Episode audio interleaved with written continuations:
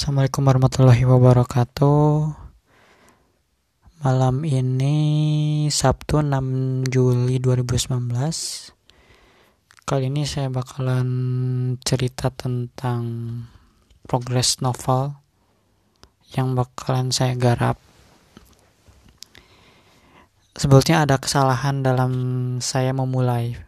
Karena sebetulnya karena tuntutan dalam diri saya bahwa saya harus menyelesaikan satu buah novel sebelum benar-benar saya lulus kuliah yaitu satu tahun lagi. Nah kesalahannya apa? Kesalahannya saya tidak punya kerangka cerita yang utuh. Karena setahu saya kalau membuat novel itu minimal kita tahu jalan ceritanya mau dibawa ke mana. Sampai dari mulai awal pertengahan sampai ending itu harus ada gambarannya akan seperti apa. Cuman saya nggak nyampe ke sana. Yang ada di bayangan saya hanya beberapa alur cerita yang menurut saya menarik. Tapi tidak ada eh, kesinambungan antara konsep ide cerita sorry ide cerita eh, makna yang akan saya sampaikan kepada pembaca serta ending yang akan eh, jadi seperti apa. Itu tidak saya pikirkan. Makanya saya tadi saya berusaha sedang mengulik uh, outline outline novel tapi ya belum belum ketemu 100% tapi saya akan coba besok mulai besok saya akan coba ngulik membuat outline-nya. Mempersem, mempersem, menyempurnakan lagi outline-nya karena tadi cuma sekedar uh, outline kasar itu pun hanya ya hanya 20% 30% terus uh, konsep yang akan saya buat dari novel ini sebenarnya saya itu gini melihat melihat beberapa novelis banyak novelis bahwa dalam membuat sebuah novel itu riset itu penting. Bahkan novel tanpa riset itu ya seperti sup tanpa garam ibaratnya. Karena ya riset itu digunakan agar novelnya memang masuk akal dalam sebuah karya fiksi walaupun fiksi tapi harus uh, cerita yang ada di dalamnya itu harus logis gitu. Nggak mengada-ngada. Jadi mau tidak mau saya mau tidak mau saya harus riset. Tapi saya terkendala banyak hal riset itu sebetulnya bisa riset lapangan, bisa riset melalui buku-buku, melalui film, dan ya pastinya karena saya males ke luar rumah, males observasi lapangan, akhirnya saya sepertinya bakalan melakukan riset kecil-kecilan melalui film-film yang saya tonton, kemudian dari buku atau novel yang saya baca, kemudian konten-konten yang pernah saya terima, ya konten-konten yang ada di internet, media sosial, YouTube dan lain sebagainya saya akan refleksikan itu semua ke dalam novel saya. Terus selanjutnya novel apa yang akan saya angkat? Yang paling relatable bagi saya adalah sebetulnya novel yang diangkat dari cerita saya sendiri. Tapi saya tidak akan mengatakan bahwa ini novel yang benar-benar pure dari cerita saya karena saya mungkin hanya akan mengangkat cerita-cerita real yang sebetulnya hanya sebagian. Saya tetap mengangkat sebenarnya ini bukan pure novel yang diangkat dari kisah nyata saya, tapi saya mengambil beberapa bagian dalam cerita hidup saya ke dalam novel ini. Tapi selebihnya saya pasti akan mereka-reka karena genre yang akan saya bawakan ini ada bagian genre yang berbau-bau fantasi jadi nggak mungkin kan karena nggak mungkin kan saya hidup saya punya punya punya suatu keajaiban gitu. Karena gini novel saya ini bakalan dibu akan akan dibu atau keutamanya ini akan seperti seorang yang menderita skizofrenia. Kenapa saya kenapa saya mengangkat orang kenapa saya mengangkat orang yang dengan penyakitan seperti ini? Karena saya terinspirasi dengan beberapa film yang saya tonton. Dan menurut saya konsep orang yang terkena penyakit ini unik. Karena kayak si tokoh utamanya berusaha berusaha mencoba membohongi penontonnya dan memberi kejutan di akhir-akhir ending gitu ya. Itu yang menurut saya menarik formula yang uh, bisa memberikan elemen surprise bagi pembaca atau penikmatnya. Kemudian uh, mengenai cerita cerita yang akan saya angkat mengenai ya kisah romance yang dari dari yang akan saya angkat dari cerita saya pribadi pengalaman-pengalaman buruk tentang percintaan yang saya alami. Jadi garis besarnya itu gini garis besarnya itu mengenai seorang laki-laki yang banyak mengalami ketidakberuntungan dalam asmara kemudian pada akhirnya dia halu itu gitu ya orang skizofrenia ini kan orang yang halu dia berhayal bahwa dia punya seorang teman atau punya orang yang bisa diajak ngobrol tapi sebetulnya itu hanya teman hayalannya. Tapi karena skizofrenia ini tidak bisa membedakan antara yang nyata dan halu akhirnya dia menganggap bahwa seseorang yang dekat dengan dia ternyata hanya halusinasi dia saja.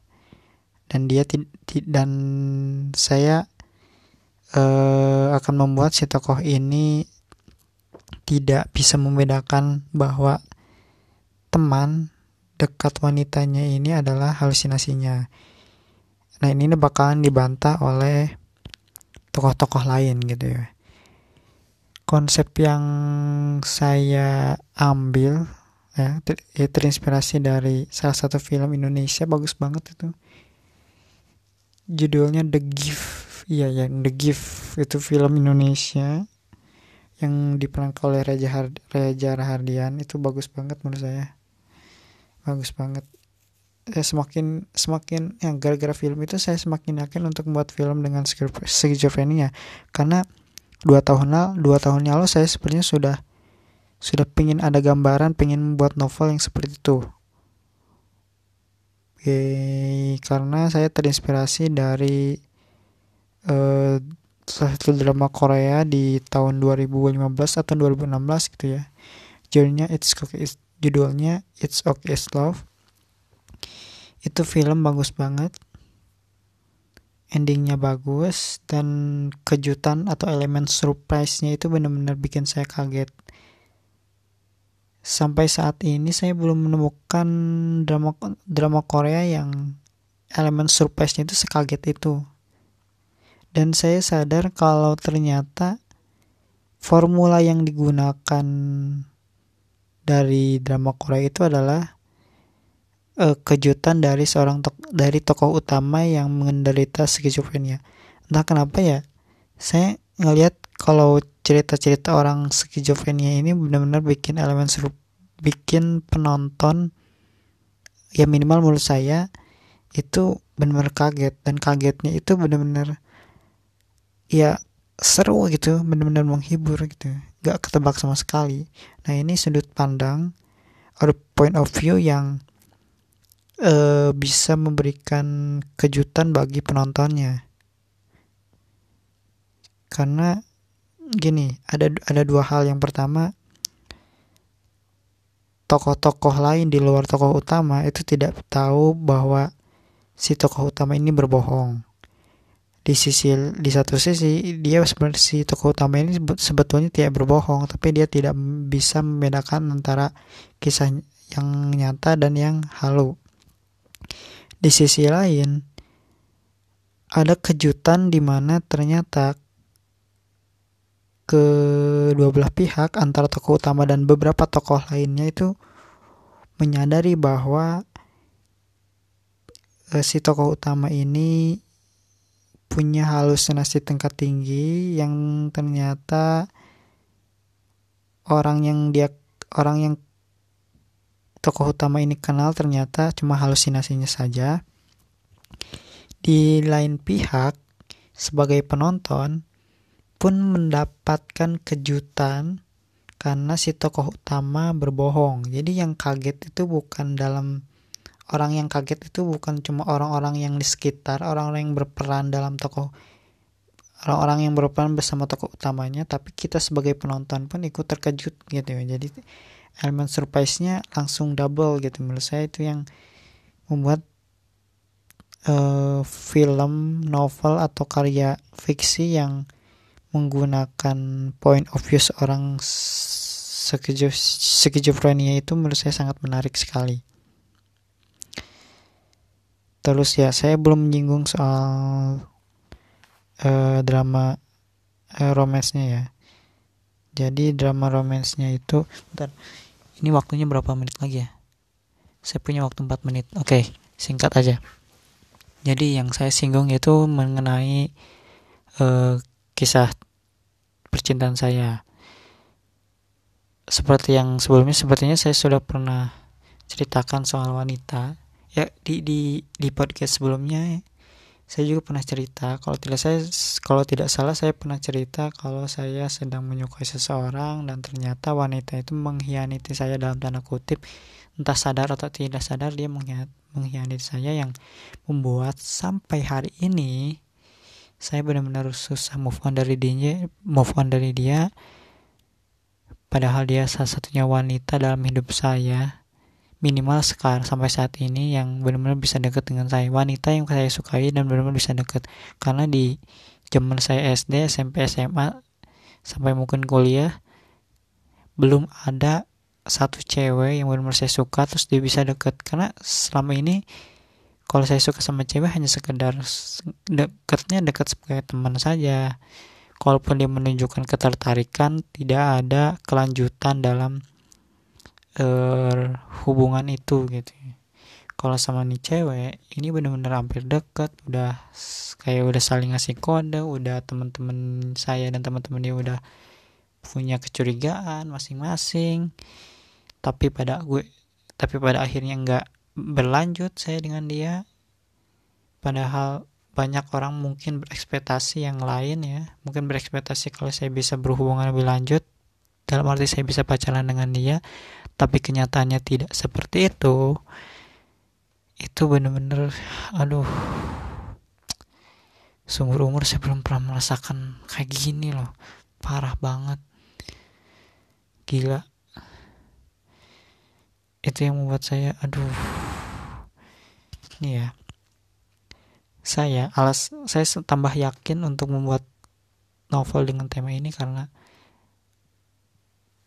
gimana ya saya manusia yang mungkin baperan kali ya.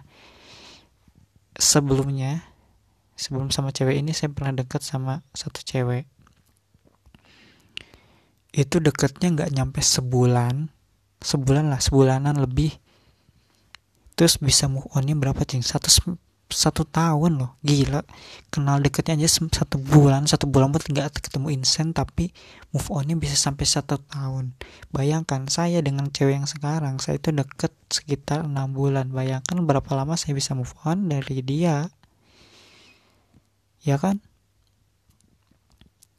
Artinya prediksi saya untuk bisa move on dari cewek karena udah nggak ada peluang lagi untuk deket sama dia kemungkinan satu tahun ke depan. Satu tahun mungkin mustahil. Karena yang satu bulannya bisa tahun apa enam bulan kali. Enam bulan berarti masa saya butuh waktu enam tahun? Kan nggak mungkin. Tapi saya ambil dari jarak antar kelulusan saya. Saya dari jarak saya sekarang sampai saya bisa lulus kuliah itu mungkin satu sampai setengah satu setengah tahun. Mungkin kalau telat dikit sampai dua tahun bisa. Tapi itu tapi itu minimal ya. Jadi intinya selama selama satu tahun ke depan minimal ya saya pasti masih bis, masih belum bisa move on dari dia. Predik saya prediksi saya seperti itu. Makanya uh, saya akan selalu selama satu tahun ke depan target saya menulis novel ini saya yakin uh, saya akan sangat relatable dengan novel yang akan saya angkat yaitu bertema tentang pria yang patah hati itu kan garis besar dari cerita saya, cerita novel saya. Dan risetnya yaitu risetnya berdasarkan novel, berdasarkan kisah nyata patah hati saya dengan cewek ini. Itu garis besarnya seperti itu, itu bakal nyambung menurut saya sih. Jadi nggak usah riset ke mana-mana, cukup dengan kisah pribadi saya yang benar-benar sial banget ya, nggak beruntung banget soal percintaan. Dan menurut saya itu bak menurut saya itu bakal lumayan relatable ketika di uh, ketika dieksekusi atau dipraktekkan dalam bentuk cerita novel. Ya mungkin itu aja karena waktunya sudah habis ya. Target saya cuma 15 menit per segmen per podcast. Uh, terima kasih telah mendengarkan. Assalamualaikum warahmatullahi wabarakatuh